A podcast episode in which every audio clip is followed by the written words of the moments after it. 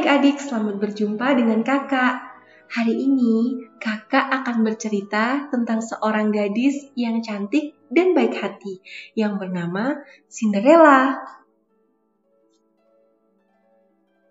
Cerita Cinderella ini dirangkum oleh dongengceritarakyat.com dari film Cinderella yang dirilis oleh Walt Disney. Yuk kita ikuti bersama-sama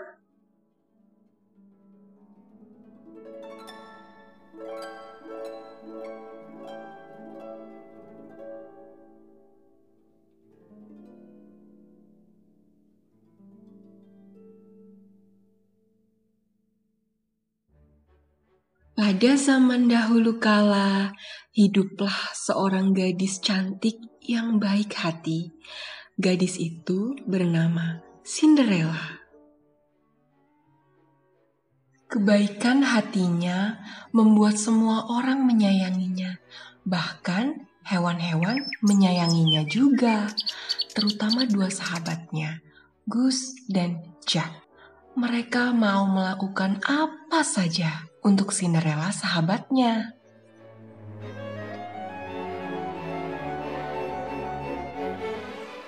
Cinderella hidup bersama ibu tiri dan dua saudara tirinya yang bernama Anastasia dan Drizella. Berbeda dengan Cinderella yang baik dan rajin, Anastasia dan Drizella sangat malas dan iri hati mereka menyuruh Cinderella mengerjakan semua pekerjaan seperti membersihkan rumah, menjahit, memasak, dan berkebun. Walaupun perlakuan kedua saudaranya sangat buruk, namun Cinderella mencoba melakukan yang terbaik dan berusaha membuat ibu tiri dan kedua saudara tirinya bahagia.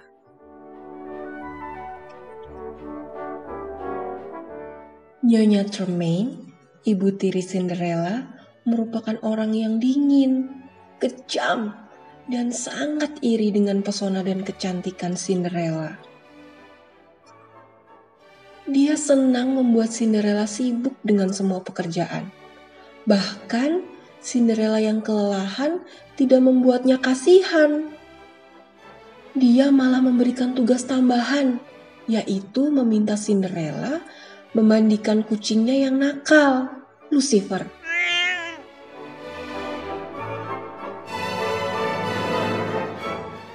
Pada suatu hari, seorang utusan dari istana tiba dengan undangan khusus. Akan ada sebuah pesta besar di istana.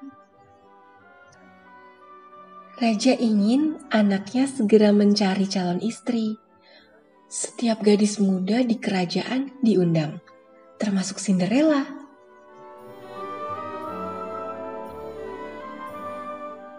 Cinderella sangat bersemangat dengan undangan pesta itu. Di loteng, ia menemukan gaun yang dulu milik ibunya. Gaun itu memang agak kuno. Namun dengan kepintarannya, Cinderella membuat gaun itu menjadi indah. Nyonya Tremaine tidak ingin Cinderella anak tirinya pergi ke pesta yang akan diselenggarakan di istana itu. Dia ingin pangeran bertemu Anastasia dan Drizella. Dia sangat berharap pangeran akan menikahi salah satu dari kedua anaknya. Nyonya Tremaine terus memberikan Cinderella pekerjaan yang sangat banyak dia akan membuat Cinderella sibuk sepanjang malam. Ini akan membuat Cinderella tidak memiliki kesempatan untuk datang ke pesta besar di istana kerajaan.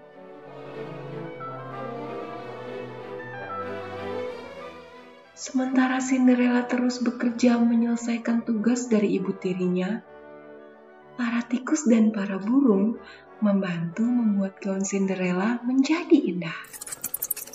Mereka menambahkan pita dan manik-manik yang telah dibuang oleh kedua saudara tiri Cinderella. Para hewan itu bekerja bersama-sama untuk membuat gaun kuno yang sederhana menjadi gaun yang indah dan luar biasa. Cinderella sangat gembira saat melihat gaun ibunya itu. Gaun itu sangat indah dan pantas sekali di tubuhnya. Sekarang dia bisa pergi ke pesta dengan percaya diri. Oh, terima kasih banyak, ucap Cinderella pada para sahabatnya, Gus, Jack, dan para burung.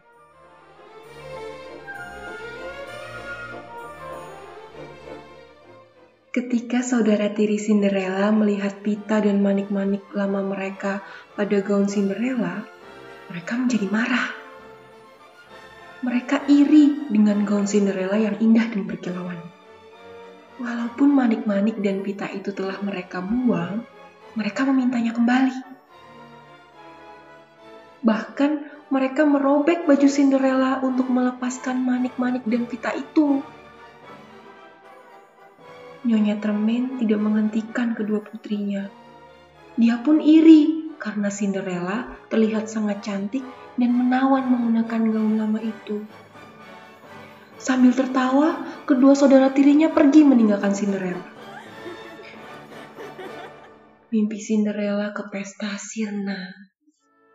Tidak cukup waktu baginya untuk bisa pergi ke istana.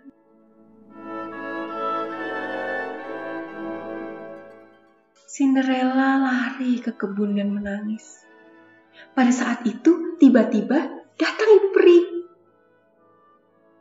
Dengan tongkat ajaibnya, dia mengubah labu menjadi kereta kuda yang indah. Cinderella sekarang bisa pergi ke pesta. Namun masih ada satu masalah. Gaun Cinderella telah rusak dan tidak bisa dipakai. Bipidi, bopidi, bu. Ucap ibu peri sambil melambaikan tongkatnya kembali.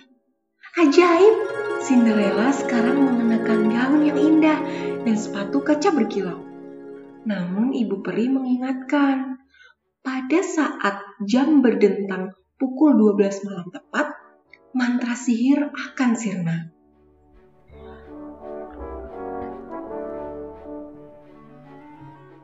Di pesta, sang pangeran tampan tidak bisa melepaskan pandangan matanya dari Cinderella yang terlihat luar biasa cantik dan menawan. Tidak menyia-nyiakan kesempatan, dia segera mengajak Cinderella berdansa.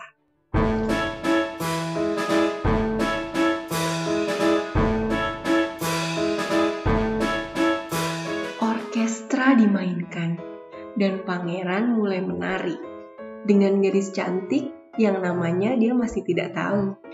Dan bagi Cinderella, malam itu mimpinya menjadi kenyataan.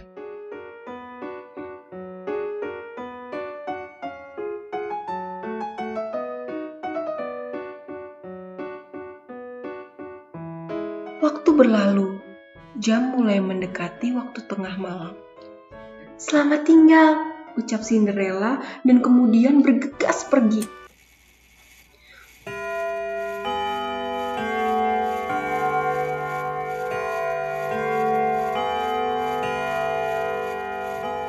Tunggu, panggil pangeran.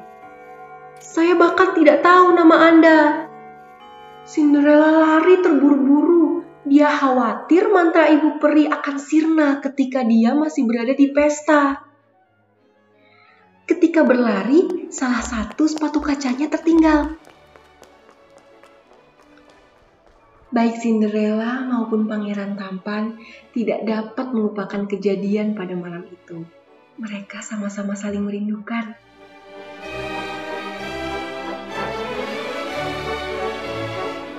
Pangeran mengirim utusan untuk menemukan gadis yang cocok dengan sepatu kaca. Utusan itu datang ke setiap rumah untuk meminta semua gadis mencoba sepatu kaca itu. Kedua kakak tiri Cinderella mencoba sepatu kaca itu. Kaki mereka berdua terlalu besar, tapi terus memaksakannya masuk. Lady Tremaine mengunci Cinderella di loteng. tapi teman-teman tikus Cinderella membebaskannya. Pada saat Cinderella mencoba sepatu kaca yang dibawa utusan istana, Nyonya Tremaine tersandung, sehingga sepatu kaca hancur. Tapi Cinderella memiliki sepatu pasangan di sakunya, dan itu cocok.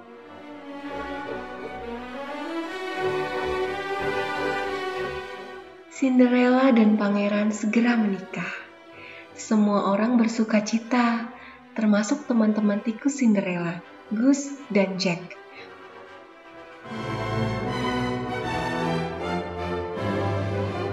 Mereka mengenakan pakaian khusus untuk pernikahan. Penuh sukacita, Pangeran Tampan dan Cinderella hidup bahagia selamanya.